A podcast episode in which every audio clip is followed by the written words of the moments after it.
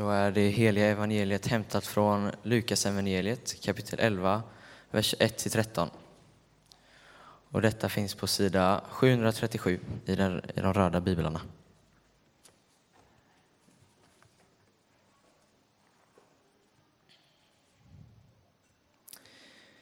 En gång hade Jesus stannat på ett ställe för att be. När han slutade sade en av hans lärjungar till honom Herre, lär oss att be, liksom Johannes lärde sina lärjungar. Då sade han till dem När ni ska be ska ni säga Fader, låt ditt namn bli helgat. Låt ditt rike komma. Ge oss var dag vårt bröd för dagen som kommer. Förlåt oss våra synder Ty också vi förlåter var och en som står i skuld till oss och utsätt oss inte för prövning. Han sade till dem Tänk att någon av er går till en vän mitt i natten och säger Käre vän, låna mig tre bröd. En god vän som är på resa har kommit till, hem till mig och jag har ingenting att bjuda på. Då kanske han där in,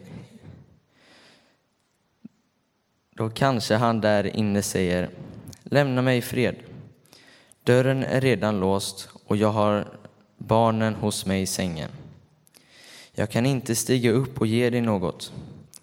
Men jag, känner, men jag säger er, även om han inte stiger upp och ger honom något för vänskapens skull så gör han det därför att den andre är så påträng, påträngande och han ger honom allt vad han behöver.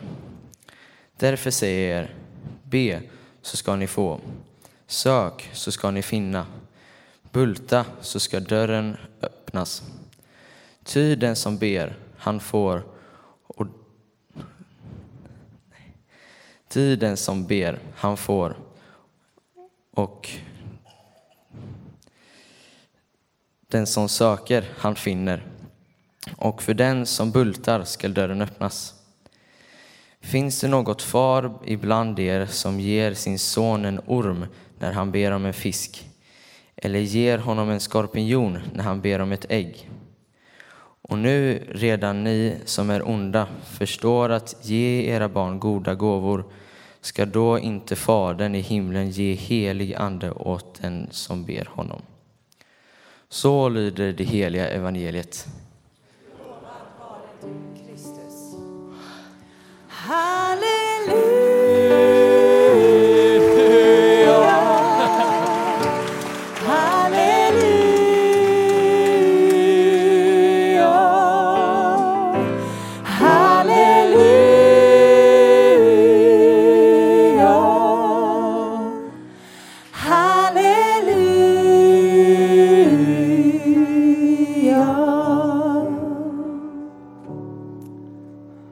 Varsågoda och sitt.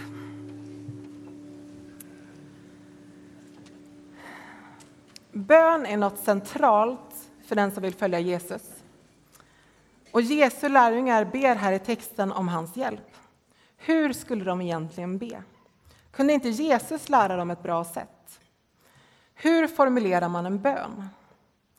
Det finns något väldigt trösterikt i det här, tycker jag.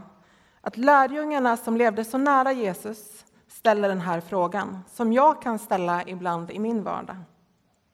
Hur ber man? Det står att Jesus precis hade bett och avslutat det, och då bad de honom, kan inte du lära oss? Även om de säkert hade hört honom be många gånger innan, för de hade varit nära honom och levt tillsammans. Och när Jesus svarar på deras fråga så är det inget superkomplicerat han kommer med utan några enkla meningar. Och jag tänker att bön och det kristna livet ibland kan bli en prestation. Att be ska låta snyggt, fint och fromt och gärna väldigt genomtänkt och följa en snygg mall.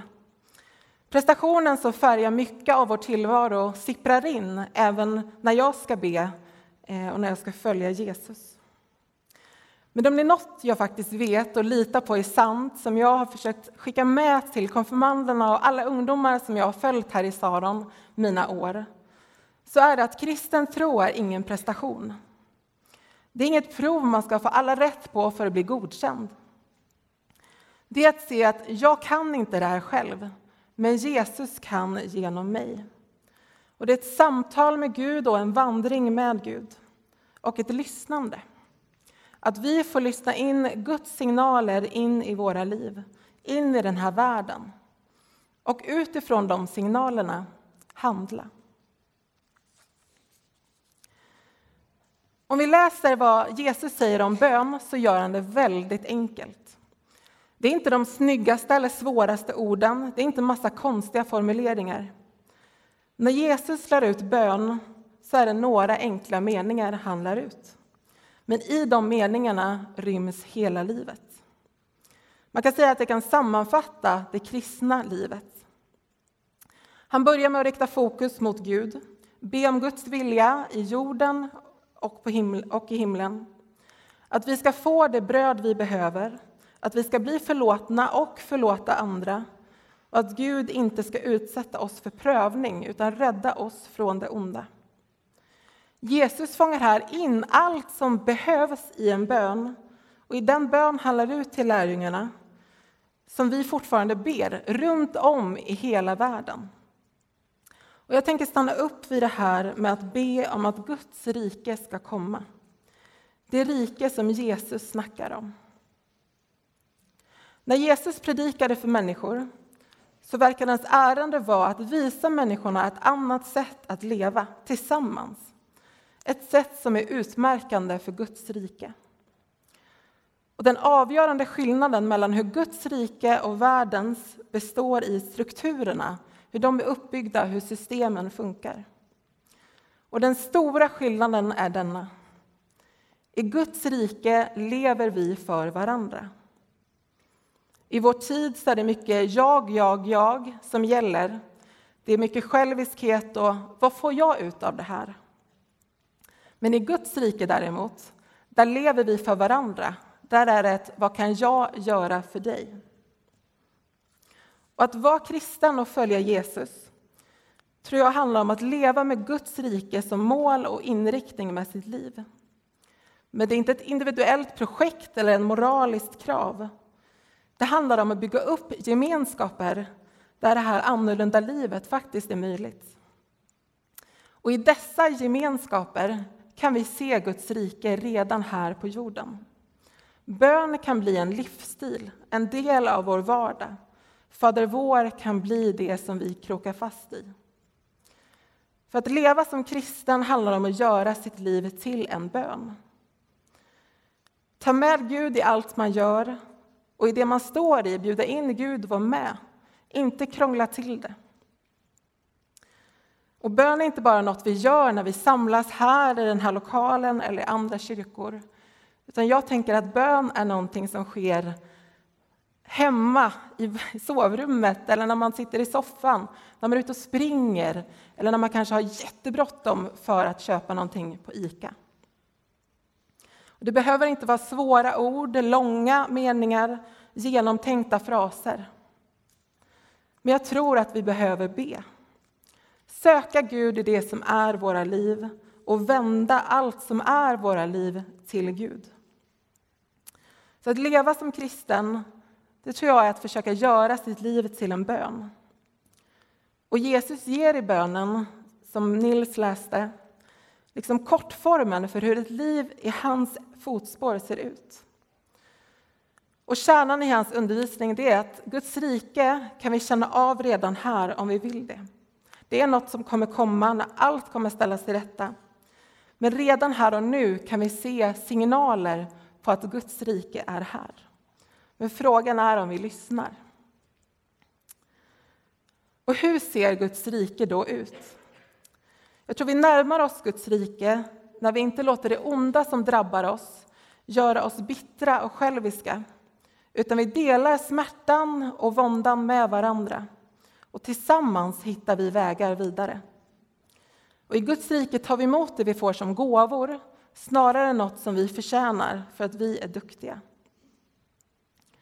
Guds rike handlar om ett sätt att leva där vårt värde inte sitter i vår prestation, vad vi gör, utan i att Gud har valt att älska oss. Och vi får leva i Guds rike, förlåtna och vara människor som försöker bryta den här destruktiva kedjan som människans ondska byggt upp. Och vi får också vila i att vi kan inte allt, vi har en stor Gud som guidar oss. Men vi får vara en del av en rörelse som för vidare förlåtelsens kraft från generation till generation genom att tillsammans ta ansvar för det vi står i och försöka göra det vi kan för att förändra den värld som vi lever i. Och Gud vill veta vad som ligger på våra hjärtan. Gud vill ha ärlighet. Gud vill att vi berättar allting. Och Gud efterfrågar oss, allt vad vi är, inte någon polerad yta. Och jag tycker att det är trösterikt att tänka att Gud tål allt. Gud tål eh, gråt, klagan, glädje, men han tål mycket mer än vad vi kan ana. Och Gud vill ha ord med mening, inte tomma ord. Gud vill att vi ska be, vi ska bulta, vi ska söka. Gud vill ha hela våra liv. Och Jesus visar oss ett rike där alla gränser överbryggs. Mellan oss människor, mellan olika länder, mellan kön, mellan de gränserna som vi människor drar upp. För Guds rike är utan gräns. Och när vi lyckas leva så, om än för ett ögonblick, så kan vi se Guds rike närvarande. Och där får vi välja om vi vill vara med i Guds äventyr. Att vara kristen handlar mindre om att göra kristna saker, tror jag, mer att lära sig se vad Gud gör i den här världen. Och bön handlar inte om att övertyga Gud om att göra det vi vill, utan att öppna oss för att göra det Gud har skapat oss att göra. Och det är ett pratande såväl som ett lyssnande. Vi bjuder in Gud att öppna våra ögon och våra hjärtan för det som Gud har på sitt hjärta. Och när vi ber ger vi Gud spelutrymme i våra liv. Men bönen stannar inte bara i orden, utan den måste ut i handling också. Det kan inte bara vara ord. Och där tror jag att vi kan vara någon annans bönesvar. Vi kan genom att vidga vår blick faktiskt ta in världens behov och möta det. Inte allting, men jag tror alla kan göra någonting. Kanske kan du förändra någons vardag genom att säga hej i korridoren i skolan. Kanske kan du inte göra något åt alla krig som härjar runt om i världen. Men du kan genom tid, resurser och ett välkommen hit finnas där för dem som behöver fly. Kanske kan du bjuda med någon som inte har lika många kompisar som du har in i din gemenskap. Kanske kan du säga ifrån när någon snackar skit om någon annan. När vi ber till Gud och frågar varför gör du ingenting? Så tror jag Gud svarar med en varsam viskning. Jag gjorde något. Jag skapade dig. Gud kallar oss att vara bönesvar i den här världen. Och Gud vill leda oss och på Gud får vi sätta vår blick och vårt hopp när allt runt omkring oss tycks rasa. Vi har en Gud som vill gå med oss i allt som är våra liv. En Gud som vill rusta oss med sin helige Ande för att göra gott. Som vi får komma till med våra ord, våra enkla meningar, våra suckar och våra osammanhängande fraser. Och vad, vad blir då vårt gensvar? Jag tror att det är att vara varandras och världens bönesvar. Amen.